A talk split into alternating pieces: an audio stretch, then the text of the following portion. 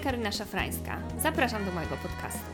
Subiektywnego przewodnika po świecie architektury, designu, wnętrz oraz w dzisiejszym odcinku będziemy mieć wyjątkowego gościa i ten odcinek ogólnie jest wyjątkowy, dlatego że e, zawsze prowadziłam to wszystko sama, więc zobaczymy jak dzisiaj nam pójdzie rozmowa. No i witam tutaj Agatę. Agatę Marciochę. E, I jest to moim zdaniem jeden z najbardziej utalentowanych obserwatorów kultury i popkultury. To jest takie moje top źródło, do którego zawsze sięgam, jeśli się chcę dowiedzieć, co się dzieje w świecie. I będziemy rozmawiać o naszej relacji z pięknem, a zwłaszcza w takim kontekście rzeczy materialnych i namacalnych, czyli tych mniej duchowych. E, jeszcze tutaj chciałabym taki opis Agacie zbudowałam. Zobaczymy, czy będzie chciała coś dodać, czy nie. E, czyli Agata to jest bardzo kreatywna humanistka, teatrolog e, z wykształcenia, a zawodowo dyrektor kreatywny z bogatym doświadczeniem przy produkcji sesji zdjęciowych, eventów i współprac z różnymi markami, głównie w dziedzinie, dziedziny mody i biżuterii. I Agata aktualnie mieszka i pracuje w Londynie i jest związana z taką luksusową marką biżuteryjną Steven Webster, e, gdzie produkują e, biżuterię na zamówienie i współpracują z ludźmi z całego świata, z jakimiś gwiazdami, więc może Gata nam trochę więcej opowie o tym. Oraz e, z taką marką Galelo Atelier, gdzie pracują nad ekskluzywnym, ponadczasowym krawiectwem szytym na miarę. No to cześć Agata. Dzień dobry. Coś chciałabyś dodać do tego opisu? Nie, bardzo dziękuję za ten opis. E, bardzo miłe słowa. Przy, przyjmuję komplementy, nic nie mam do dodania. Och, ja bym dodała jeszcze więcej, ale tutaj czasowo musimy się jakoś ograniczać. No więc, tak jak wspomniałam na samym początku, będziemy rozmawiać o pięknie. E, chciała poruszymy te tematy tak bardziej szerzej, oczywiście, to nie będzie wszystko tak dotyczyło każde zapytanie architektury, czy też wnętrz, czy e, w ogóle urządzania naszych przestrzeni, ale ten temat chciałam poruszyć, dlatego że z moich obserwacji wynika, że ludzie tak niechętnie akceptują i mówią na głos o potrzebie posiadania i przebywania wśród pięknych przedmiotów i rzeczy. I o ile potrafią mówić o takim pięknie w naturze, w muzyce, w związkach, w czymś właśnie bardziej duchowym, to na poziomie fizycznym to zostaje tak bardzo spłycone i um, często mamy takie wrażenie, że to jest takie piękno zrównane z czymś bardziej pustym, takim błahym. I chciałam się spytać, jakie są Twoje obserwacje na ten temat i co Ty uważasz? Tak, to jest taka moja obserwacja też, że ludzie nie cenią piękna i piękno, mimo tego, że jest teoretycznie taką samą wartością jak inne wartości, czyli jak prawda, jak może wierność, jak jakaś harmonia. Piękno jest tak samo wartością i ono z jakichś powodów nie jest tak samo cenione jak te inne wartości. Ja mam taką, takie wspomnienie moje jeszcze z, czas, z czasów studiów, jak każdy młody człowiek miałam turbulencje emocjonalne i próbowałam się odnaleźć w świecie i mój kolega ze studiów bardzo mądry powiedział mi, że jak nie mam do czego już dążyć, e, jak wszystkie wartości upadły, to mogę dążyć do piękna. I to było dla mnie takie bardzo wyzwalające wówczas, bo czułam wewnętrzną potrzebę, że piękno przynosi mi ukojenie, że tworzenie piękna, przebywanie z pięknem, myślenie o pięknie przynosi po prostu takie duchowe, emocjonalne, sensoryczne ukojenie, a nie miałam takiego wewnętrznego ani też społecznego przyzwolenia na to, żeby się tym cieszyć i z tego korzystać. I to był taki, pamiętam, że przełomowy bardzo dla mnie moment y, i na mojej ścieżce kariery, y, pracy z pięknymi rzeczami i tworzenia pięknych rzeczy, ale też takiej mojej ścieżce emocjonalnej rozwoju osobistego.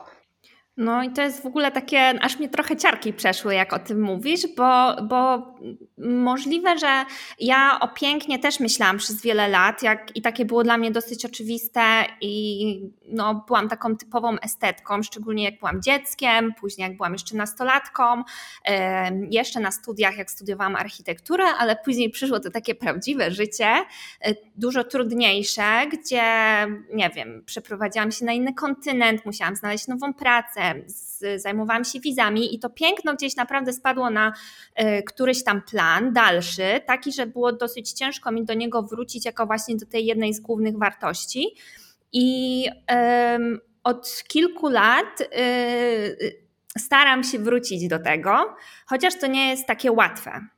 Mam świadomość tego, że to piękno właśnie e, jest ważne, jest dla mnie ważne, ale czasami mam takie gorsze momenty, w których myślę, że inne rzeczy są dużo ważniejsze, no bo oczywiście tak też uważam, ale mm, to aż dochodzi do takiego poziomu, że e, uważam, że to wręcz aż nie jest ważne, to piękno. I tutaj mamy też zapisany taki cytat od Ethel Adnan, takiej malarki, która e, skupiała się na malowaniu natury i kolorach, i ona powiedziała, tutaj ja sobie przytłumaczyłam cytat, taki wywiad obejrzałam z nią na YouTubie, jeden z ostatnich przed jej śmiercią.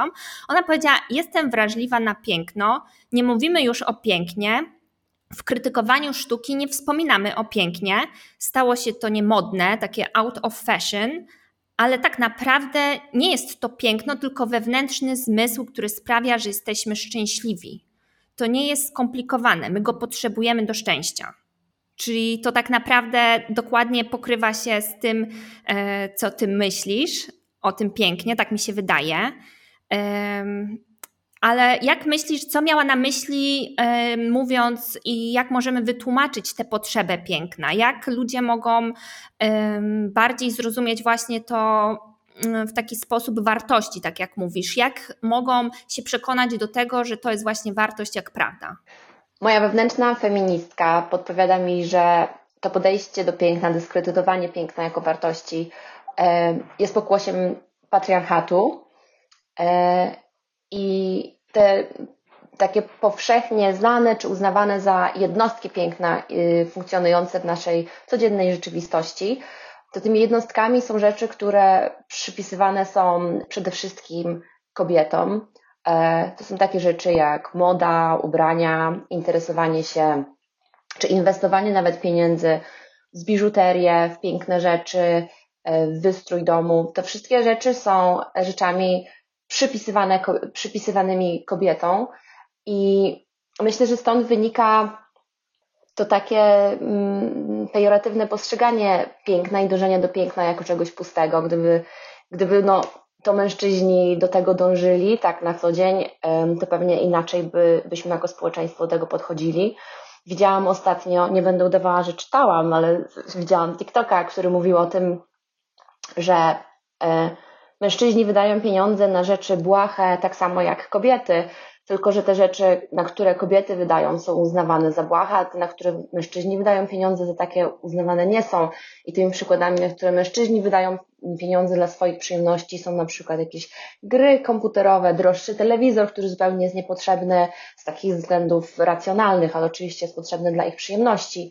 E, a kobiety, kiedy wydają pieniądze na rzeczy, mm, które sprawiają im przyjemność, są właśnie postrzegane jako puste. Więc myślę, że patriarchat tutaj bardzo nam y, przeszkadza w tym dążeniu do piękna. Y, jeszcze chciałam tak powiedzieć, że jak już zaczęłam o tym, y, o tych rzeczach kobiecych, które ja nie uważam, że są kobiece, kobiece oczywiście są uniwersalne i są dla wszystkich, tak jak biżuteria i moda, to te rzeczy sprawiają niezwykłą przyjemność sensoryczną, ale też taką dużo głębszą, którą może przynieść relacja z człowiekiem i relacja z naturą, która się zawiera w tych elementach, w tych rzeczach.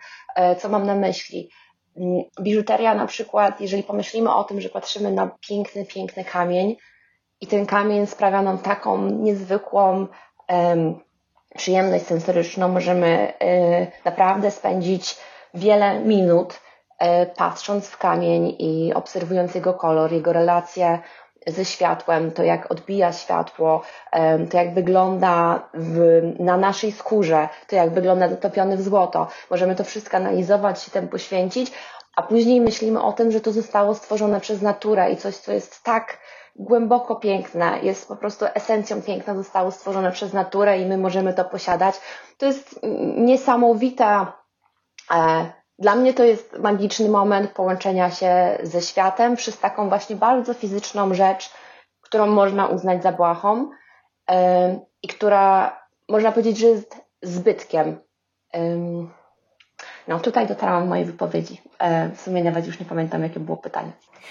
No, bo tutaj na początku miałyśmy problemy z nagrywaniem. Mam nadzieję, że nie będzie tego słychać ostatecznie. E, ale właśnie mówiąc o tym, że właśnie powiedziałaś, że to jest taki zbytek, to ja oglądałam dokument na mm, gdzieś tam znalazłam, wkleję Wam link w opisie, e, takiego filozofa Roger Scraton się nazywa. I pamiętam, że on tam poruszył temat właśnie użyteczności, że mm, to, co ma dla nas obecnie wartość, to jest właśnie to, co jest użyteczne i jak możemy to właśnie porównać do piękna, jak użyteczne jest piękno. I, I możliwe, że tutaj jest takie clue właśnie tego, co mówiłaś, że co wnosi do nas ta radość. Okej, okay, możemy się zgodzić, że ją odczuwamy, że widzimy właśnie i czujemy coś takiego, co nie potrafimy tak naprawdę tego opisać i wytłumaczyć, ale nie widzimy w tym nic użytecznego. Mhm. No, muszę, Muszę jeszcze raz wrócić do feminizmu, przepraszam, bo to jest jakby taki klasyczny moim zdaniem przykład tego, że wartości męskie są uznawane za te, e, no po prostu lepsze, męskie, oczywiście mówię w cudzysłowie, te, które są przypisywane męskości, a nie te, które mężczyźni posiadają. I to są takie wartości, którymi rządzi się współczesny świat e, i myślimy, mm, że mężczyźni w tym względzie mają lepiej w społeczeństwie, ponieważ oni posiadają stosunkowo więcej pieniędzy, bo zarabiają więcej, e, łatwiej im jest w tym świecie kariery, ich siła fizyczna pomaga im łatwiej funkcjonować w świecie i tak dalej, i tak dalej. I patrząc na to, jak rozkładają się te dobra w kulturze, wydaje nam się, że mężczyźni mają lepiej w patriarchacie. Ale jak pomyślimy o tym, co mają kobiety, kobiety mają, e, no przez cały układ społeczny, mają więcej e, dostępu do takich rzeczy miękkich, jak e, relacje międzyludzkie, albo właśnie obcowanie z pięknem. I przez to, że my jakby tak układamy narrację, że mężczyźni mają lepiej, sami podkręcamy to podejście, że przebywanie z pięknem, e, posiadanie pięknych rzeczy jest mniej wartościowe niż posiadanie rzeczy, nie wiem, drogich, ale funkcjonalnych.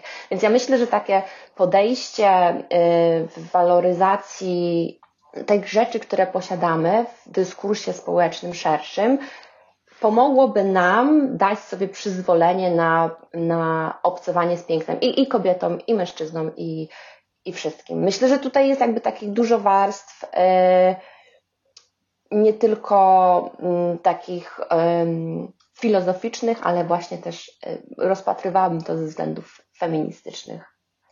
To jest e, wartościowa uwaga. Na pewno jest w tym dużo informacji, które nam pomogą jakby dalej myśleć o tym pięknie i naszym stosunku do niego.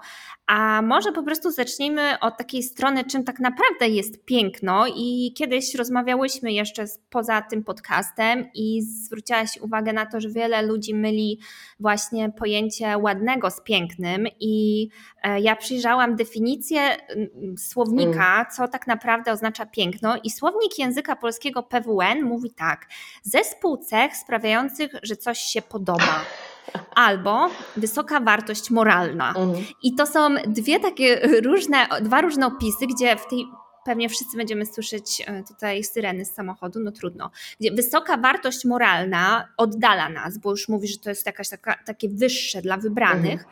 a coś, co nam się podoba, kojarzy się z czymś takim dosyć płytkim, bo mm, takim albo spłytrzonym. Dobrze to odmieniłam?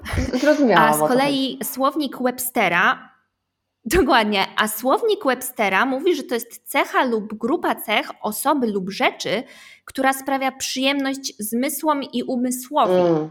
I tutaj to, to powiedzenie, e, ta definicja piękna wydaje mi się bliższa e, moim, mojemu poczuciu piękna, ale chciałam się spytać, czy co kraj to obyczaj, czy tutaj tak samo też widzimy ten podział, czy może to jest właśnie związane też z tym patriarchatem, czy te definicje się zmieniają na przestrzeni lat i skąd takie różnice? Mhm. No to pierwszy mój komentarz w ogóle y, bardzo trafny, uważam, że te dwie rozbieżne E, definicję, które podałaś pierwsze ze słownika PWN, bo to tłumaczy pretty privilege, czyli to, że postrzegamy ludzi pięknych jako lepszych moralnie zupełnie na podstawie tylko tego, że lepiej wyglądają. To się tłumaczy, że to tłumaczy to, że no tak jakby błąd logiczny w myśleniu, bo właśnie te dwie cechy są zawarte w pięknie, a nie powinny być, bo są dwoma rzeczami rozłącznymi.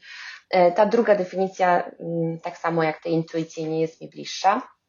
E, odpowiadając na Twoje pytanie y, na temat tych różnic kulturowych, no to nie wiem, pewnie są jakieś na ten temat badania. Mogę tylko powiedzieć takiej anegdotycznie z mojej własnej obserwacji kultury, e, kultur, które znam dobrze, czyli polskiej i tutaj tej, której mieszkam, czyli y, angielskiej, to faktycznie w Anglii ja bardzo doceniam to, że tutaj moda jest traktowana jako poważne, poważna branża i ludzie pracujący w modzie są doceniani nie tylko y, przez swoje środowisko, ale przez głowę państwa również. To znaczy, że dostają nagrody z tego, z tego względu, dostają te tytuły szlacheckie i tak dalej. I ja myślę, że to podejście od góry traktowania mody, właśnie, czyli takiego czegoś, co sprawia, że możemy korzystać z piękna, czy wyrażać się estetycznie na co dzień, że podejście do tego jako do czegoś bardzo poważnego, mm, no, rzutuje na szerzej na kulturę i myślę, że w Polsce niestety nie doceniamy tak bardzo wagi estetyki i wagi piękna, a moglibyśmy, bo oczywiście piękna w Polsce jest pod dostatkiem i to jakby na różnych polach, czy to piękna naturalnego, czy piękna w modzie, piękna w sztuce, piękna w, piękna w designie i tak dalej. E, czuję, że brakuje nam traktowania go jako czegoś poważnego, czegoś, co e, zasługuje na uznanie, na poważną, pogłębioną dyskusję, na, na granty, na pieniądze, na inwestycje i tak dalej. No właśnie, to słowo inwestycja, bo właśnie jak powiedziałeś, że w Anglii jest to e, również szanowane i uznawane przez głowę państwa, to od razu przyszło mi do głowy tutaj pojęcie ekonomia i wkład w ogóle mody w gospodarkę państwa. No i tego, kto tak naprawdę tutaj dominuje w świecie projektantów i w ogóle mody, no ale to jest, mówiąc o pięknie, nie, nie mówimy oczywiście tylko i wyłącznie o modzie. I czy piękno tak naprawdę też jest dosyć y, subiektywną sprawą. I zapisałam sobie tutaj też przy tym właśnie zapytaniu o definicję piękna taki cytat od z 64 roku. To jest sędzia z Supreme Court ze Stanów Potter Stewart, który akurat w takim procesie o pornografii opisując nieprzyzwoitość powiedział I know it when I see it, czyli będę wiedział, kiedy to zobaczę, że pewnych rzeczy nie da się tak naprawdę opisać i określić, i e, to jest po prostu poza pewnymi takimi nawiasami. I jakbyś właśnie opowiedziała o tej subiektywności i poczuciu piękna, e, tutaj bym chciała przejść tak troszkę bardziej już właśnie do może takiej obecnej popkultury, bo na przykład w świecie beauty przez ostatnie lata obserwujemy taki kult czegoś, co możemy nazwać brzydkim co według mnie nie odstępuje tak naprawdę od piękna, bo po prostu odnosi się do jakby innego poczucia estetyki, ale też zwracania właśnie uwagi i pielęgnowania tego, co według nas jest piękne, a ogólnie nazywane, nie wiem, kult brzydoty. Jak, jak byś w ogóle opowiedziała o tym, o tych różnicach i jak możemy powiedzieć, czy coś jest piękne, czy nie? Mhm. No więc ja uważam, zaczynając od tej brzydoty, że brzydota jest dużo bliżej piękna niż niż e, ładność jest bliżej piękna. Uważam, że ładność jest w ogóle gdzieś bardzo daleko, e, niepotrzebna w tej dyskusji. E, brzydota jest na tej samej dla mnie jakby skali, co piękno i nieważne, gdzie na tej skali się znajdujesz, jesteś w przestrzeni piękna. I tak jak, jak powiedziałaś, to jest subiektywne, co kto gdzie umieściłby na tej skali, czyli co uważałby za brzydkie, co uważałby za piękne samo jakby bawienie się estetyką, przebywanie na tej skali, robienie rzeczy, wyrażanie siebie, obserwowanie innych, bawiących się tymi, e, tymi rzeczami, to, to jest ta przyjemność obcowania z pięknem i w ogóle nie, nie czuję ani potrzeby, ani nie czuję zasadności rozpatrywania tego w kategoriach, co jest bardziej piękne, co jest mniej piękne. Jeżeli tylko przebywamy w tej sferze dążenia do piękna, eksplorowania piękna, eksplorowania granic piękna, e, bawienia się tym, to uważam, że to, to, już, jest, to, to już jesteśmy w pięknie i nie ma jakby dalszej potrzeby narzucania temu kolejnych, nie wiem, nazw, czy jakiś, no tak, umiejscowiania tego na skali jakiejkolwiek.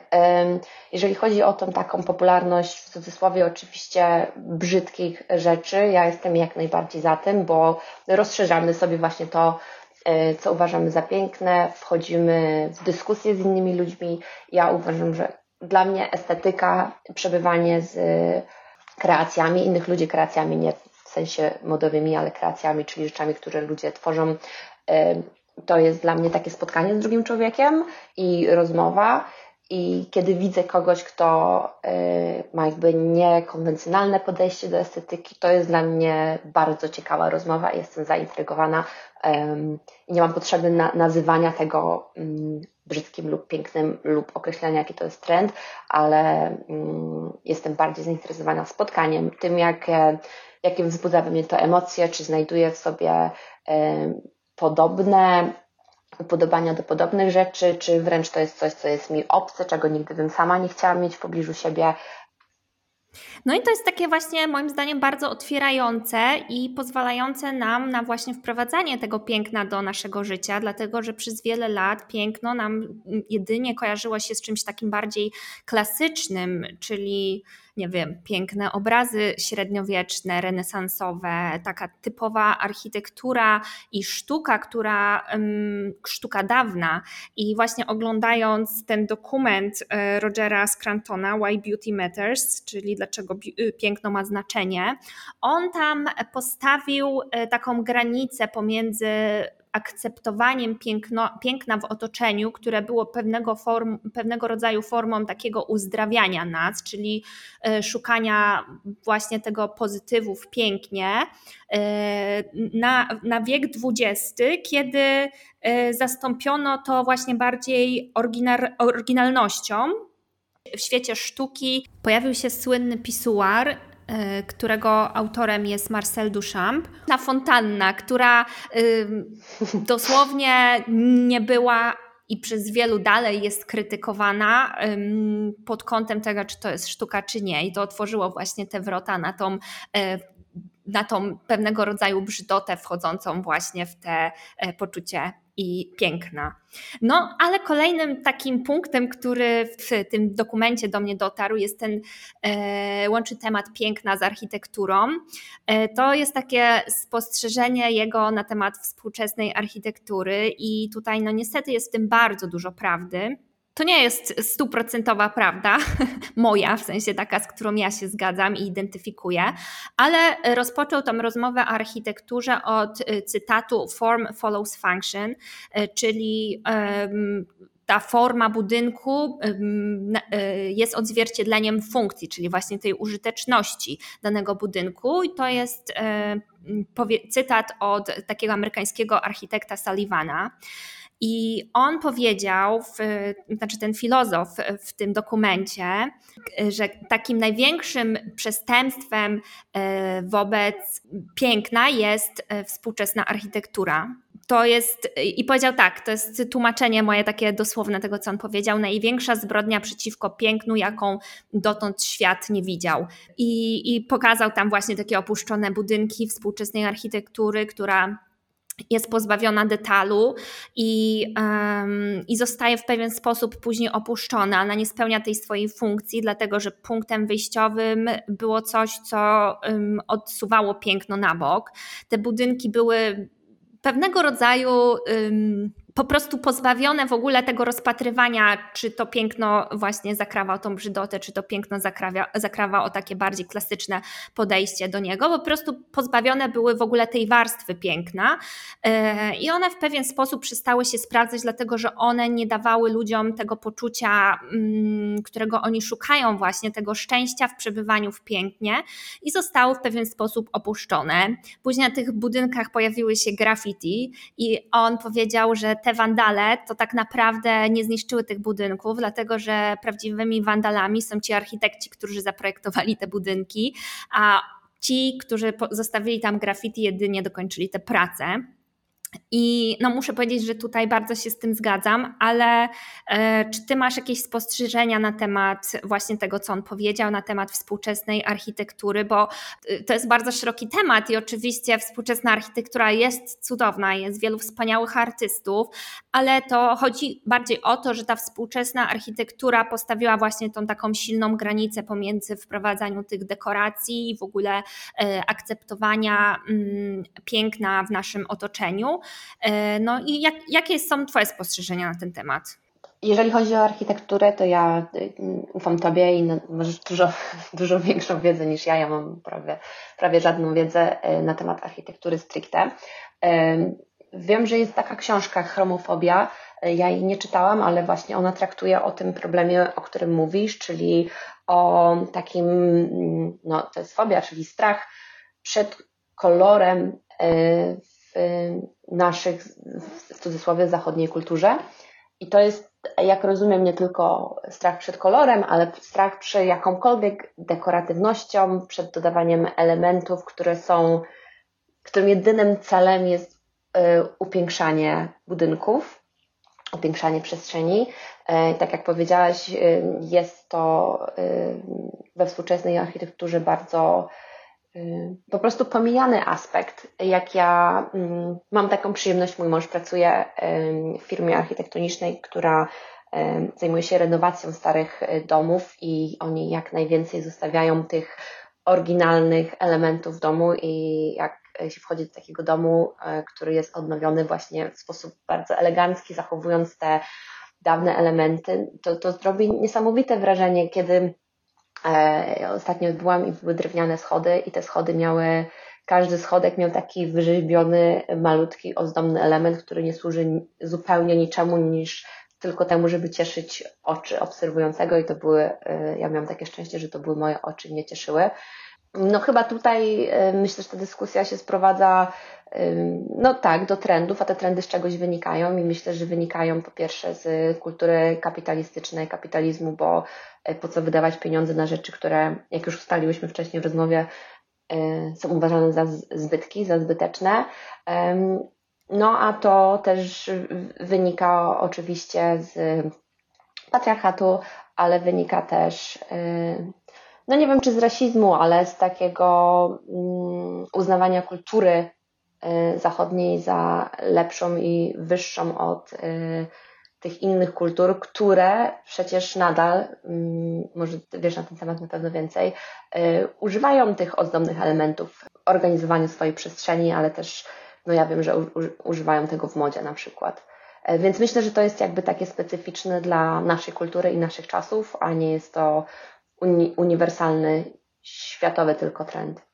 I tutaj dotknęłaś właśnie e, zmysłu wzroku. Mam takie jedno pytanie właśnie, że odbieramy piękno pięcioma zmysłami i pozwalamy sobie na węch, na perfumy, przebywanie, nie wiem, w kuchni, kiedy coś gotujemy super smacznego, na słuch, słuchamy muzyki, dotyk, dotykamy kwiatów, piasku, e, na smak, czyli kosztujemy super posiłków, tych, co mama nam zrobi, naszych ulubionych, ale ten wzrok zostaje właśnie tak bardziej zdegradowany i e, Dlaczego tak się stało? Czy to właśnie przez, e, tak jak powiedziałaś, kapitalizm, czy to gdzieś kwestia marketingu? E, co doprowadziło do tego, że właśnie ta sprawa, która właśnie na przykład na tych schodach, ta dekoracja mała, która dostarczyła ci endorfin, sprawiała, że się uśmiechasz, e, Czyli tutaj możemy zahaczyć o zdrowie psychiczne. Żadna z nas nie jest lekarzem, oczywiście, ale wszyscy wiemy, że coś, co jest, wywołuje w nas pozytywne emocje, jest dla nas dobre. Y, dlaczego to zostało takie mniej ważne? Dlaczego z tego się jakoś w jakiś sposób próbujemy tłumaczyć? Y, tak, no ja myślę, że to jest kapitalizm to jest jakby optymalizacja wszystkiego, procesów, yy, oszczędzanie pieniędzy i tak dalej, i tak dalej. Natomiast ja widzę jakby taki początek. Yy, uciekania od, te, od tego trendu, bo jest teraz jakby taka dosyć popularna dyskusja o zdrowiu układu nerwowego i o, o tym, jak potrzebne jest dbanie o własny układ nerwowy. I tak jak powiedziałaś, te wszystkie zmysłowe rzeczy pomagają nam dbać o nasz układ nerwowy. Więc myślę, że jakby może powoli idziemy w tym kierunku, choć oczywiście motywacja jest okropna, bo motywacja jest taka, że nasz układ nerwowy musi być zdrowy po to, żebyśmy mogli lepiej funkcjonować, lepiej pracować, być bardziej wydajni. E, no ale mam nadzieję, że efekty przynajmniej będą takie same, że będziemy mieli więcej piękna i rzeczy, które sprawiają nam przyjemność zmysłową wokół siebie, że będziemy tego mieli więcej. No tak, i mam takie tutaj pytanie, które poniekąd mi się zdaje, że odpowiedź już zawarłyśmy w tych poprzednich y, odpowiedziach i tej wcześniejszej rozmowie, ale właśnie jeśli ktoś już jest na tej ścieżce y, i ma może wewnętrzną taką potrzebę piękna, a po prostu wstydzi się o tym mówić, bo na przykład zostanie oceniony przez innych, no bo na świecie się dzieje tyle nieszczęścia, a my chcemy mieć w domu ładną kanapę i wazon i jak sobie z tym poradzić? Mhm. No, byłoby bardzo miło, gdybym miała na to odpowiedź. Ja sama sobie z tym nie radzę, więc nie wiem, jaką tutaj dać odpowiedź, jak, jak sobie dać to przyzwolenie, jak dać to przyzwolenie społeczne. No tak, moja odpowiedź brzmi nie wiem. E, jak znajdziesz odpowiedź, to proszę daj mi znać, bo ja też czuję ogromną przyjemność, tak jak powiedziałam, ukojenie z przebywania i tworzenia piękna, ale um, widzę jak, um, jak, jak sytuacja na świecie, jak wygląda i jak to jest takie, um, no, moja przyjemność, moje luksusy są mało ważne. Tak, nie mam odpowiedzi, przykro mi. No właśnie, i ja myśląc o tym, e, zapisałam sobie tutaj taką małą uwagę, że e, takie oczywiście to dotyka właśnie nas wszystkich i mi się zdaje, że wiele osób właśnie z tym się bardzo mierzy, ale y, takie jest gdzieś przyzwolenie na to, że ludzie, którzy po prostu są bogaci i mogą sobie pozwolić na świetną architekturę, dlatego że ona po prostu nie robi tak naprawdę żadnego uszczerbku na ich budżecie domowym, oni mogą sobie na to pozwolić, nie są w jakiś sposób oceniani y, i my uważamy, że jakby oni mogą żyć w czymś takim, a osoby, które mają mniejsze i ograniczone budżety, muszą się skupić na takim prawdziwym życiu, czyli e, właśnie na myśleniu o tym nieszczęściu naokoło nas. I ja tutaj chcę podkreślić, że y, piękno y, nie wiąże się z, takie jest moje podejście, piękno nie wiąże się tutaj z budżetem i my możemy sobie stworzyć piękne mieszkanie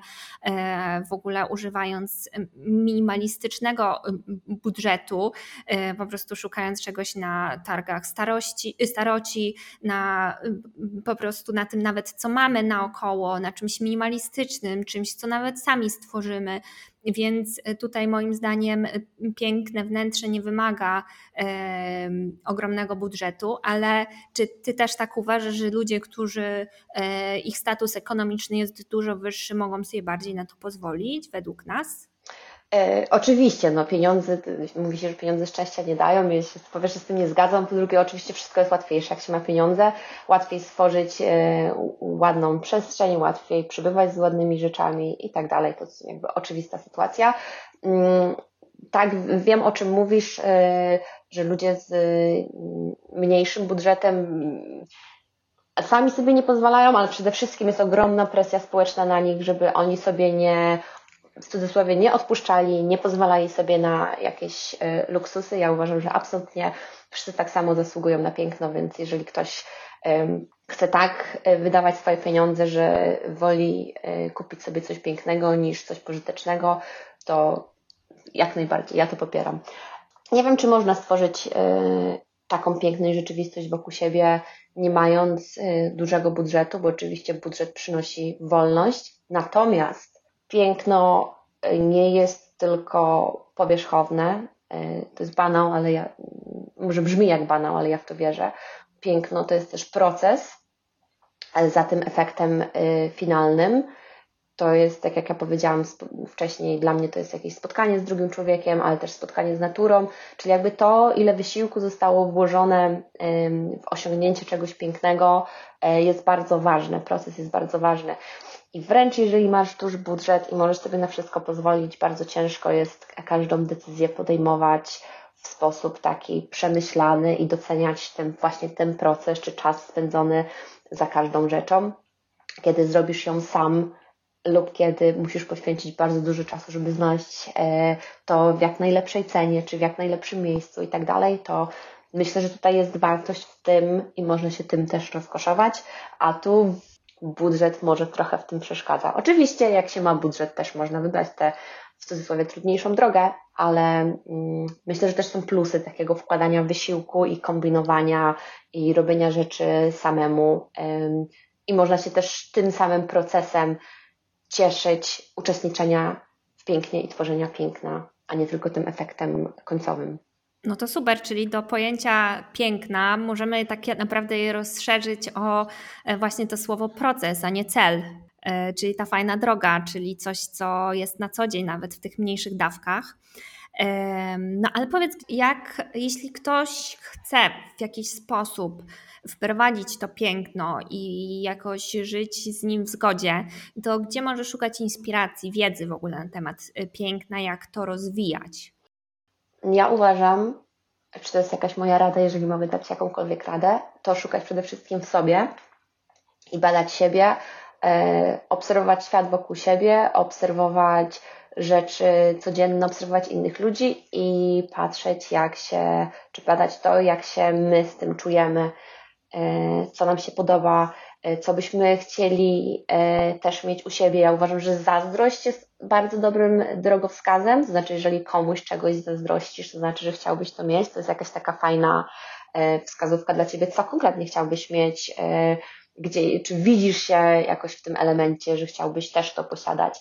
Więc ja myślę, że szukać przede wszystkim w sobie, ale też być otwartym na to, że piękno może być, e, że my możemy, że my możemy znaleźć piękno wszędzie, nie tylko w oczywistych rzeczach, które e, nam przychodzą do głowy, jak sztuka, jak moda, jak design i tak dalej, ale też natura, spotkanie z drugim człowiekiem, jakieś słowo, spojrzenie, zapach, we wszystkim możemy znaleźć piękno i musimy się tylko zatrzymać, zastanowić, co w nas wywołało taką pozytywną reakcję i właśnie cieszyć się tym procesem później przekładania tego na ten świat, który sami już budujemy wokół siebie to idealnie w ogóle łączy się y, z tym, w jaki sposób próbuję wytłumaczyć, czym jest właśnie własny styl we wnętrzu, czyli słuchanie właśnie własnych potrzeb i sprawdzanie tego, co nam się podoba, rozumienie tego, czego mm, szukamy, a nie podążanie za tym, co jest nam narzucone i mm, opisane przez kogoś jako to właśnie potrzebne.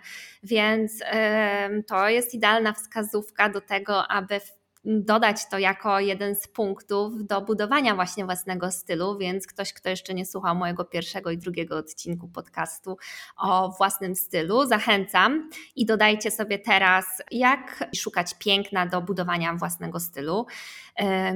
Agata, może masz coś do dodania? Tak, ja bym chciała w sumie dodać coś do tej ostatniej kwestii, którą poruszyłyśmy, bo myślę, że nam jest łatwo mówić, bo Ty jesteś architektem wykształconym y, i spędziłeś bardzo dużo czasu w swojej karierze profesjonalnej, w swoim życiu prywatnym, bo Ci to sprawia przyjemność poszukiwania piękna, eksplorowania estetyki i tak dalej. Ja w swojej karierze również.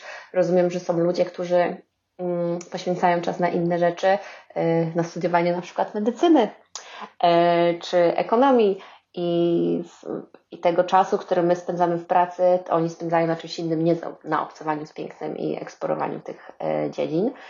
I ja bym tutaj chyba chciała powiedzieć, że nie ma żadnego sędziego w życiu, który mógłby stwierdzić, że coś jest piękne lub nie. Jeżeli tobie się coś podoba szczerze i ty się czujesz z czymś dobrze, to to jest to, to jakby to, na tym jest, to jest koniec, kropka. Y, nikt nie może przyjść do Twojego mieszkania, nikt nie może skomentować Twojego ubrania. Jeżeli Ty się czujesz z tym dobrze, to żadna ocena pozytywna czy negatywna, pozytywna również nie powinna wpływać na to. Myślę, że to, to jest jakby takie clue, że e, piękno jest, Ty je tworzysz i ono jest tylko dla Ciebie i nie ma większego autorytetu niż Ty sam jeżeli chodzi o te kwestie. Idealne podsumowanie tego odcinka i w ogóle całego przesłania tego mojego podcastu o wnętrzach. E, no i ja na tym bym zakończyła, czyli e, mam nadzieję, że Wam się podobał mój pierwszy odcinek, rozmowa z Agatą Marciochą. E, jeśli macie jakieś pytania, zostawcie je pod tym odcinkiem. No i do usłyszenia za dwa tygodnie. Pa, pa.